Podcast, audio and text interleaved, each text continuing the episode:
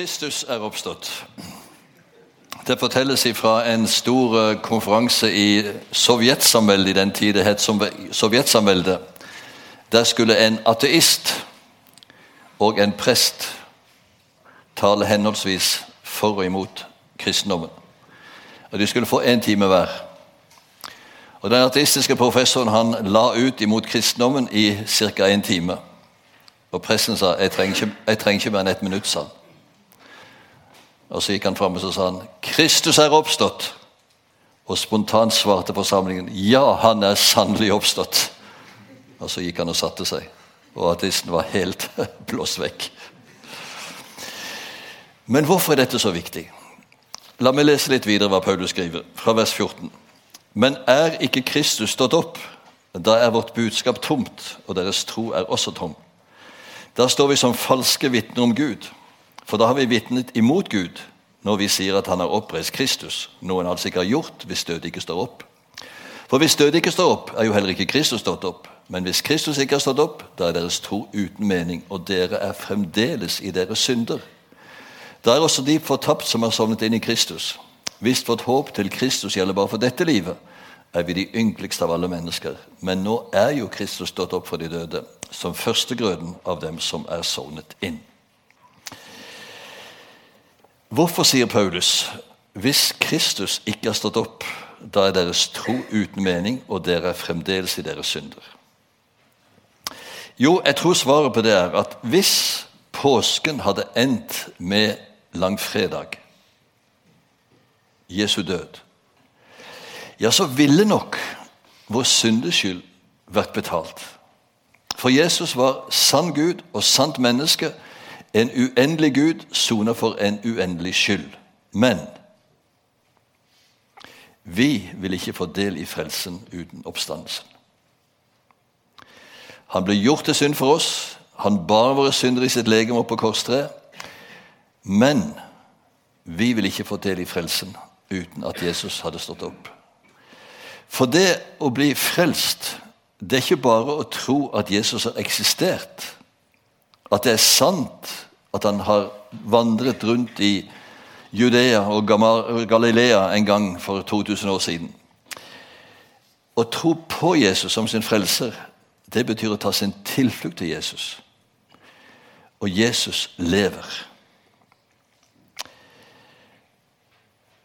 For mange år siden så ble jeg oppsøkt av en mann på kontoret.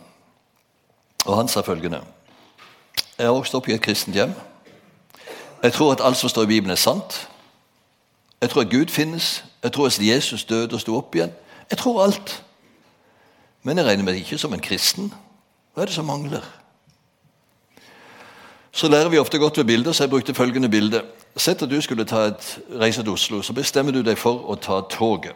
Du går ned på stasjonen, kjøper en billett, betaler, går ut på perrongen. Der står Oslo-toget. Du tror at det går til Oslo. Ingen grunn til å tvile på det. Det har gått til Oslo tusenvis av ganger før. Du har billetten i hånden, den er betalt. Og så lyder det i høyttaleren 'Tog til Oslo, klar for avgang, ta plass, ta plass'. Og det tror du også er sant. Ingen grunn til å tvile på stasjonsbetjenten. Men du stiger ikke på toget. Kommer du da til Oslo? Nei, selvsagt ikke, sa han. Det er det som mangler deg. Du må ta din tilflukt til Jesus. Han er det eneste tog som fører til himmelen. Å tro på Jesus er å betro seg til Jesus med hele livet, for hele livet. Ja, nå skjønner jeg det, sa han. Så gikk han. Men tre uker etterpå kom han tilbake igjen. Og du, Søvik, sa han, jeg vil gjerne gå på det der toget til himmelen. Og det gjorde han. Og tre måneder etterpå døde han av kreft. Men han gikk på i tide. Et av Paulus' favorittuttrykk det er å være i Kristus. Og Hvis vi er i Kristus, så får vi del i hans tilgivelse og hans oppstandelsesliv. Hvis Jesus ikke var oppstått, så kunne ikke vi blitt forent med Kristus. Men vi tror faktisk at vi er i ham. Jesus bruker selv bildet med vintre og grenene. Hvordan vet en gartner at poding har vært vellykket? Jo, grenen begynner å bære frukt. Og når vi har tatt vår tilflukt til Kristus og er i ham, så vil også han begynne å leve sitt liv ut gjennom oss.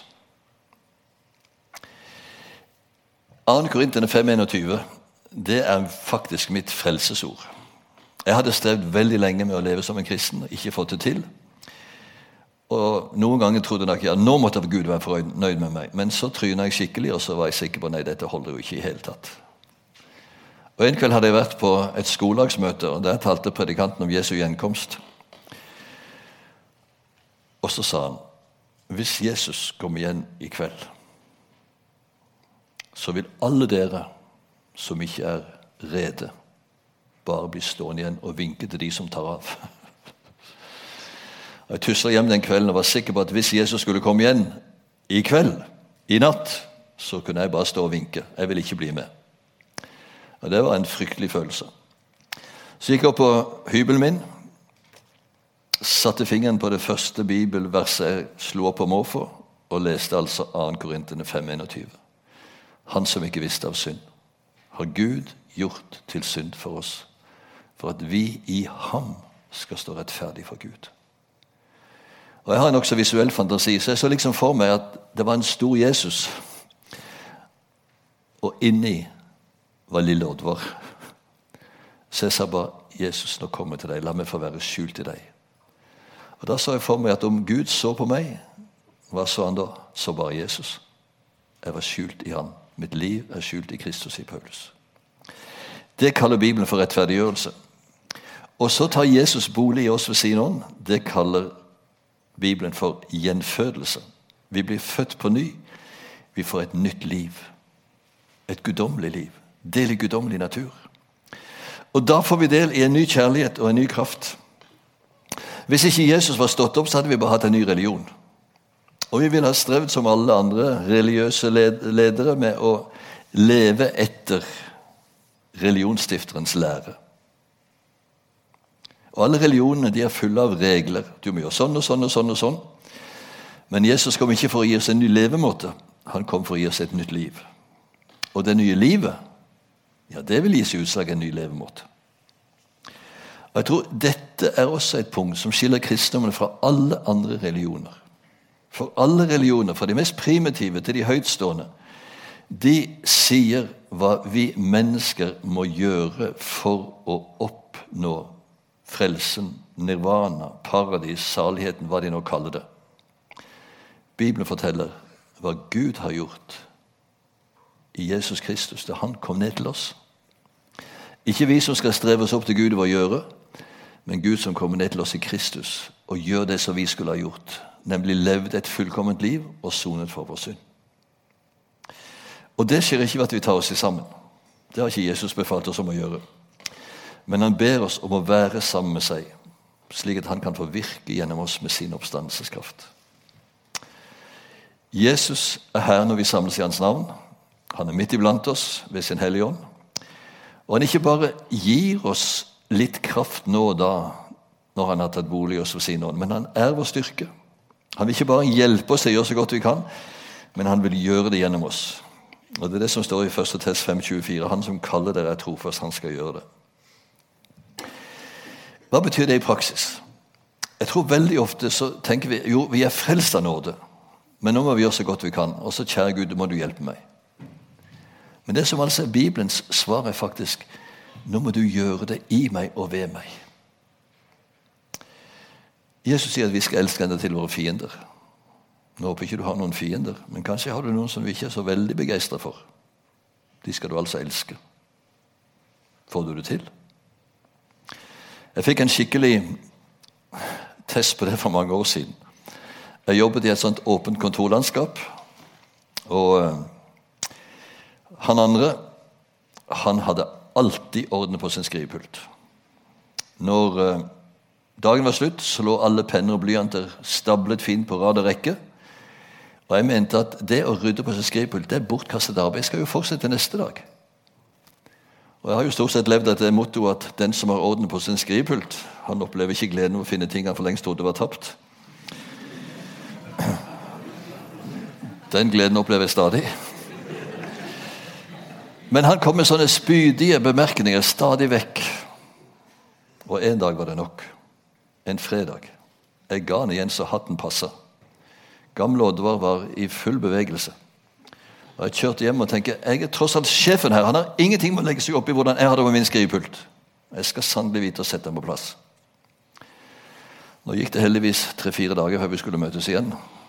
Og uansett hvor jeg leste Bibelen, så sto det noe annet.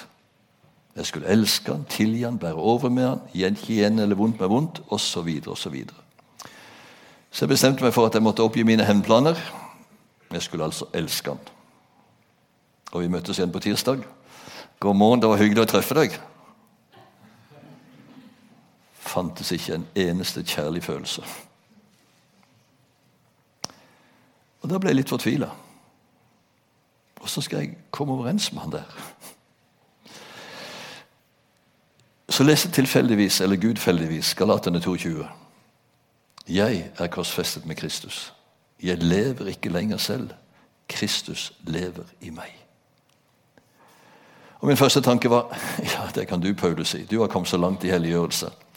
Jeg lever i beste velgående, og jeg merker lite til at Jesus lever i meg. Men så står det henvist til Romene 6.1FF under det bibelordet. Og Det er ikke så ofte jeg slår opp kryssreferanse, men jeg gjorde det den gangen. Og Der skriver Paulus Vet dere ikke at den som er døpt til Kristus Jesus, er døpt til hans død?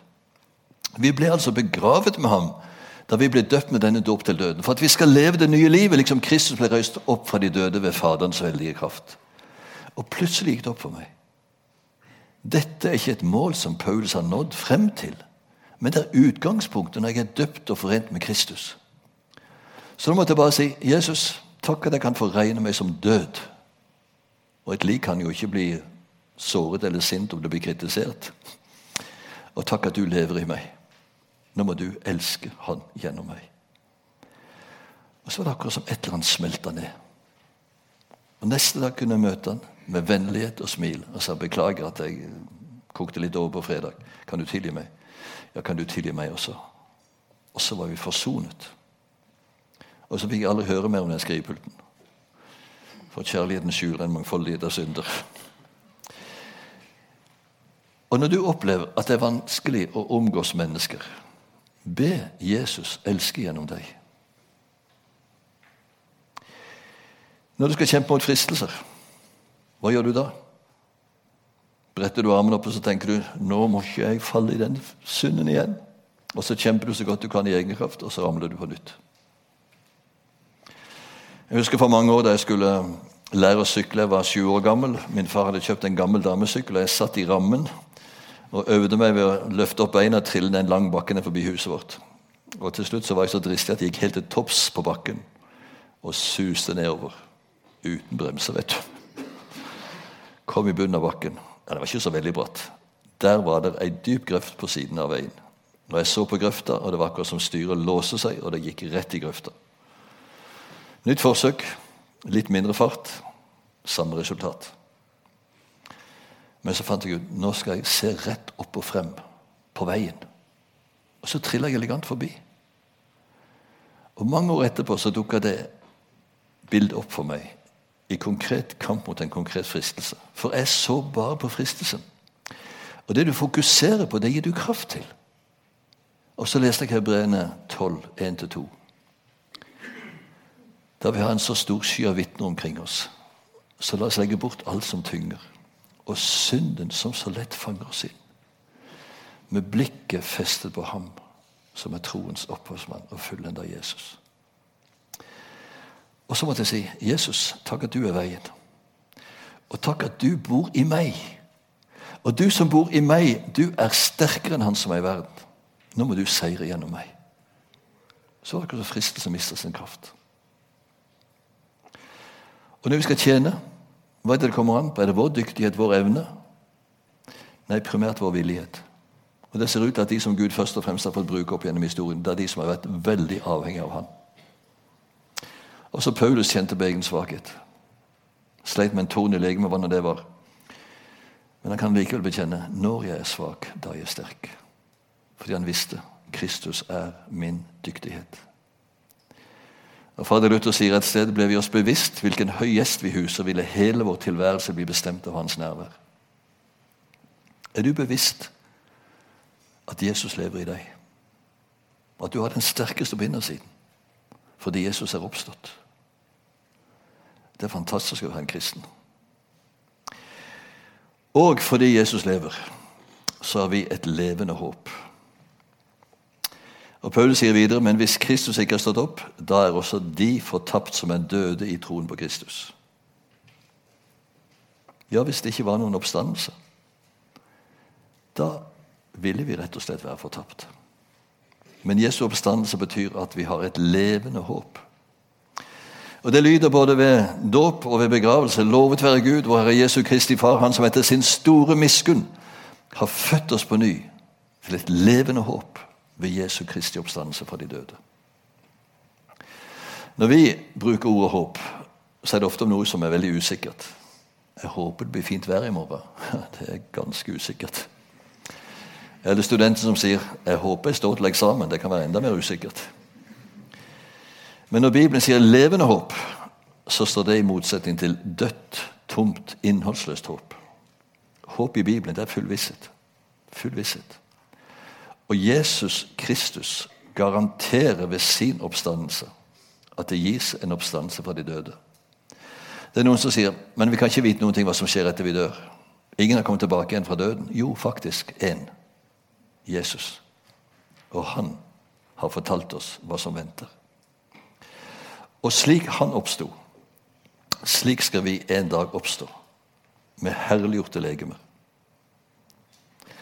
Vi bekjenner hver søndag, så sant vi bekjenner trosbekjennelsen, 'Jeg tror på legemets oppstandelse'. Og Legg merke til Jesus forlot ikke sin menneskekopp da han sto opp igjen og for opp til himmelen. Men han hadde en herliggjort kropp som hadde andre kvaliteter og egenskaper, og likevel så var det samme kropp. Og Når Paulus skal forklare dette litt lenger ute i Korinterbrevet 15, så sammenligner den med hvetekornet som legges i jorden og dør. Det råtner bort, men det står opp et nytt korn. Og det er en forbindelse mellom det kornet som ble lagt i jorden, og som råtner bort, og det nye kornet som frem, spirer frem. Og slik prøver han å forklare. Det er en sammenheng mellom det legeme som legges i graven, og som råtner bort, og de legemer vi skal oppstå med i oppstandelsen. Og Jeg tror bestemt vi skal kjenne hverandre igjen. Iallfall så kjente Jesus igjen Moses og Elias på fjellet når han ble forklart. Men kanskje er vi enda et hakk vakrere. Jeg lurer på om når det står at de, de kjente ikke Jesus igjen med en gang etter oppstandelsen, om det var fordi at Jesus var enda mer fullkommen i sitt herlighetslegeme. Vel, det er bare gjetning. Men iallfall sier Paulus videre Kristus er den første. Deretter følger de som hører Kristus til, når han kommer igjen. Det er helt umulig egentlig å forklare hva som skjer ved vår oppstandelse. Og jeg tenker, og der strides nok de lærde litt Jeg tenker at Når vi dør, så går vår ånd eller sjel Bibelen bruker begge begreper til Gud. Røveren ble med Jesus til paradis. Paulus ønsker å fare bort herfra og være med Kristus, for det er så mye bedre. Jeg tror det gis en eksistens for vår ånd eller sjel etter døden.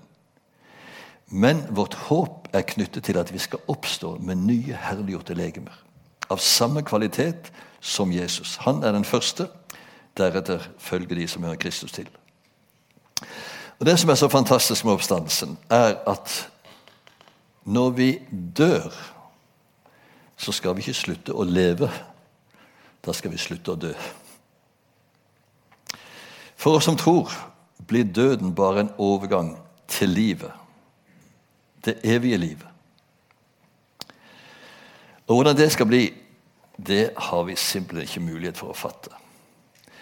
Nå må jeg nok tilstå at min søndagsskolelærer han hadde tatt fra meg all himmellengt, for han hadde forklart oss barna hvor lang evigheten var. Og så brukte han følgende forferdelige bilde. Tenk deg verdens høyeste fjell. Og Jeg visste at det var Mount Everest. I min barndom var det 8882 meter høyt. Nå hadde visstnok målt litt lavere, men pytt, pytt, det er stort. En gang hvert tusen år kommer det en diger fugl og sliper nebbet sitt på det fjellet. Og når det fjellet er nedslitt fordi en fugl kommer hvert tusen år og sliper sitt nebb på fjellet, da har det gått ett sekund av evigheten. Og fremtidsutsiktene var å stå og synge i kor. Tror du jeg hadde lyst til å komme til himmelen? Ikke det minste. Men siden har jeg forstått at evig liv er et liv av samme kvalitet som Gud. Og Når Johannes skal prøve å beskrive dette, så syns jeg nesten litt synd på han, For da bruker han de vakreste bilder han kan tenke seg. En by med gater av gull, muren av alle slags perler og porten av en eneste stor perle. Og likevel så er det bare liksom. Det er bare liksom. Uansett, det vakreste han kan finne på, det er bare liksom. Og I 1. Johannes 3, vers 2 sier han, mine kjære, nå er vi Guds barn, og det er ennå ikke blitt åpent hva vi skal bli. Nei, det er mange hvite flekker på Guds fremtidskart. Men, sier han, vi vet at når Han åpenbarer seg, når Han kommer igjen, da skal vi bli ham lik. For vi skal se ham som han er. Og Jeg kjenner noen ganger nesten som det sitter i kroppen av spenning og forventning. Han som jeg har trodd på, tjent, tilbedt. Han skal jeg en dag få lov til å se ansikt til ansikt. For en dag det skal bli. Og da er det oppfylt det som er talt ved profeten Jesaja. Med egne øyne skal jeg skue kongen i hans skjønnhet. Og det vil utløse en endeløs lovsang. Jeg tror ikke bare vi skal stå og synge i kor. Det står faktisk at vi skal herske med Kristus. Egentlig står det 'være konger sammen med Kristus'. Og egentlig så skal evigheten tilbringes på en nyskapt jord. Der alt er fornyet. Flora og fauna. Vi skal regjere med Kristus. Vi kan ikke forestille oss hvor bra, det vil bli, men det blir utrolig bra. Og Da er spørsmålet helt til slutt hvordan får vi del i dette håpet? Det er egentlig enkelt, fordi Jesus lever. Og Når vi samles i Hans navn, så er han midt iblant oss. Og Har du ikke lukket han inn, så står han faktisk og banker på din hjertedør. Og Da er det egentlig bare å si 'Jesus, kom inn'. Jeg tror jeg må fortelle til slutt, jeg hadde en opplevelse for mange år siden det også. Jeg hadde talt på et møte om akkurat det bibelordet. Og Da møtet var slutt, så sto jeg ved døren og hilste på folk. Og Så sto det en ung mann ca. på deres alder. Og Det var tydeligvis han ville snakke med meg. Og Da han hadde gått ut, så kom han bort og så sier han, 'Å, jeg kjente at Jesus banket på mitt hjerte i kveld, og jeg vil gjerne ha han inn.' Men hvordan skal jeg få han inn? Det sa du ingenting om. Nei, det har du rett i, sa jeg. La oss prate litt. Vi satte oss ned, og han fortalte om sitt liv. Han hadde vært med på litt av hvert, var kanskje ikke mors beste barn. Men nå vil han ut av dette, nå vil han bli en kristen. Hvordan skal jeg få Jesus inn, sa han. Så datt det ut av meg. Jeg hadde i grunnen ikke tenkt det jeg skulle si, men det bare falt seg sånn. Du, Hvis du fikk besøk av en god venn, han banket på din dør, du kikket gjennom det lille hullet i døren, så hvem det var, det var din beste venn, du ville gjerne han inn, hva ville du gjort? Jeg ville selvsagt lukket opp døren og sagt 'Kom inn'.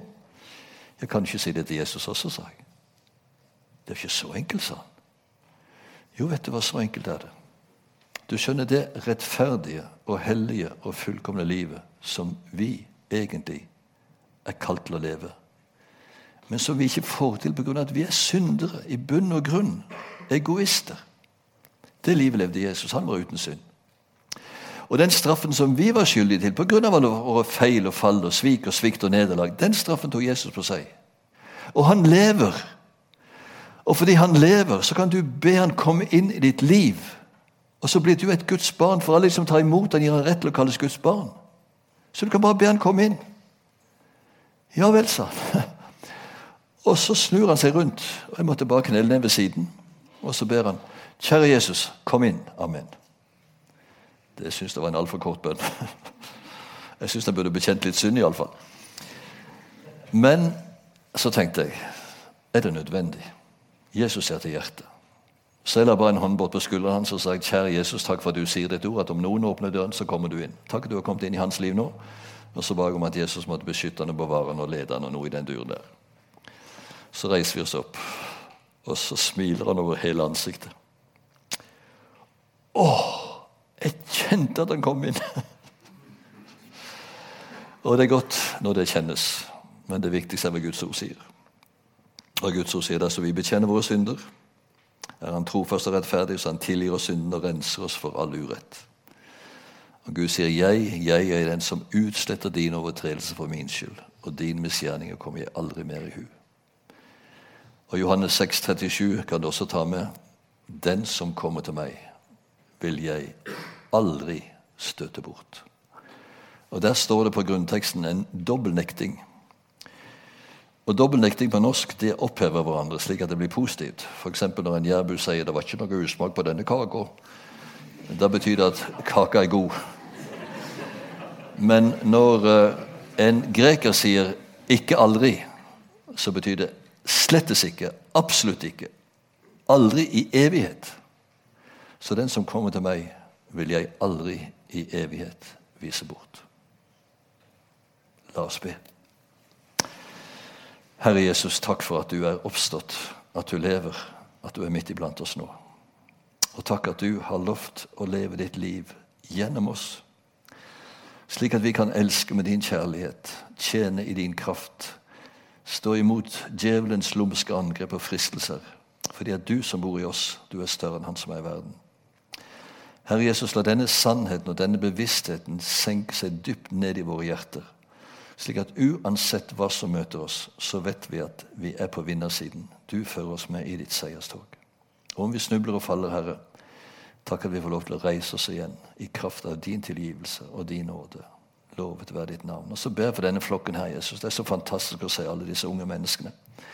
Takk at du kan bruke dem, og jeg ber om at du må gi dem stor frimodighet til å være dine vitner der de er satt. I sitt yrke, i sin hverdag, i sin vennekrets.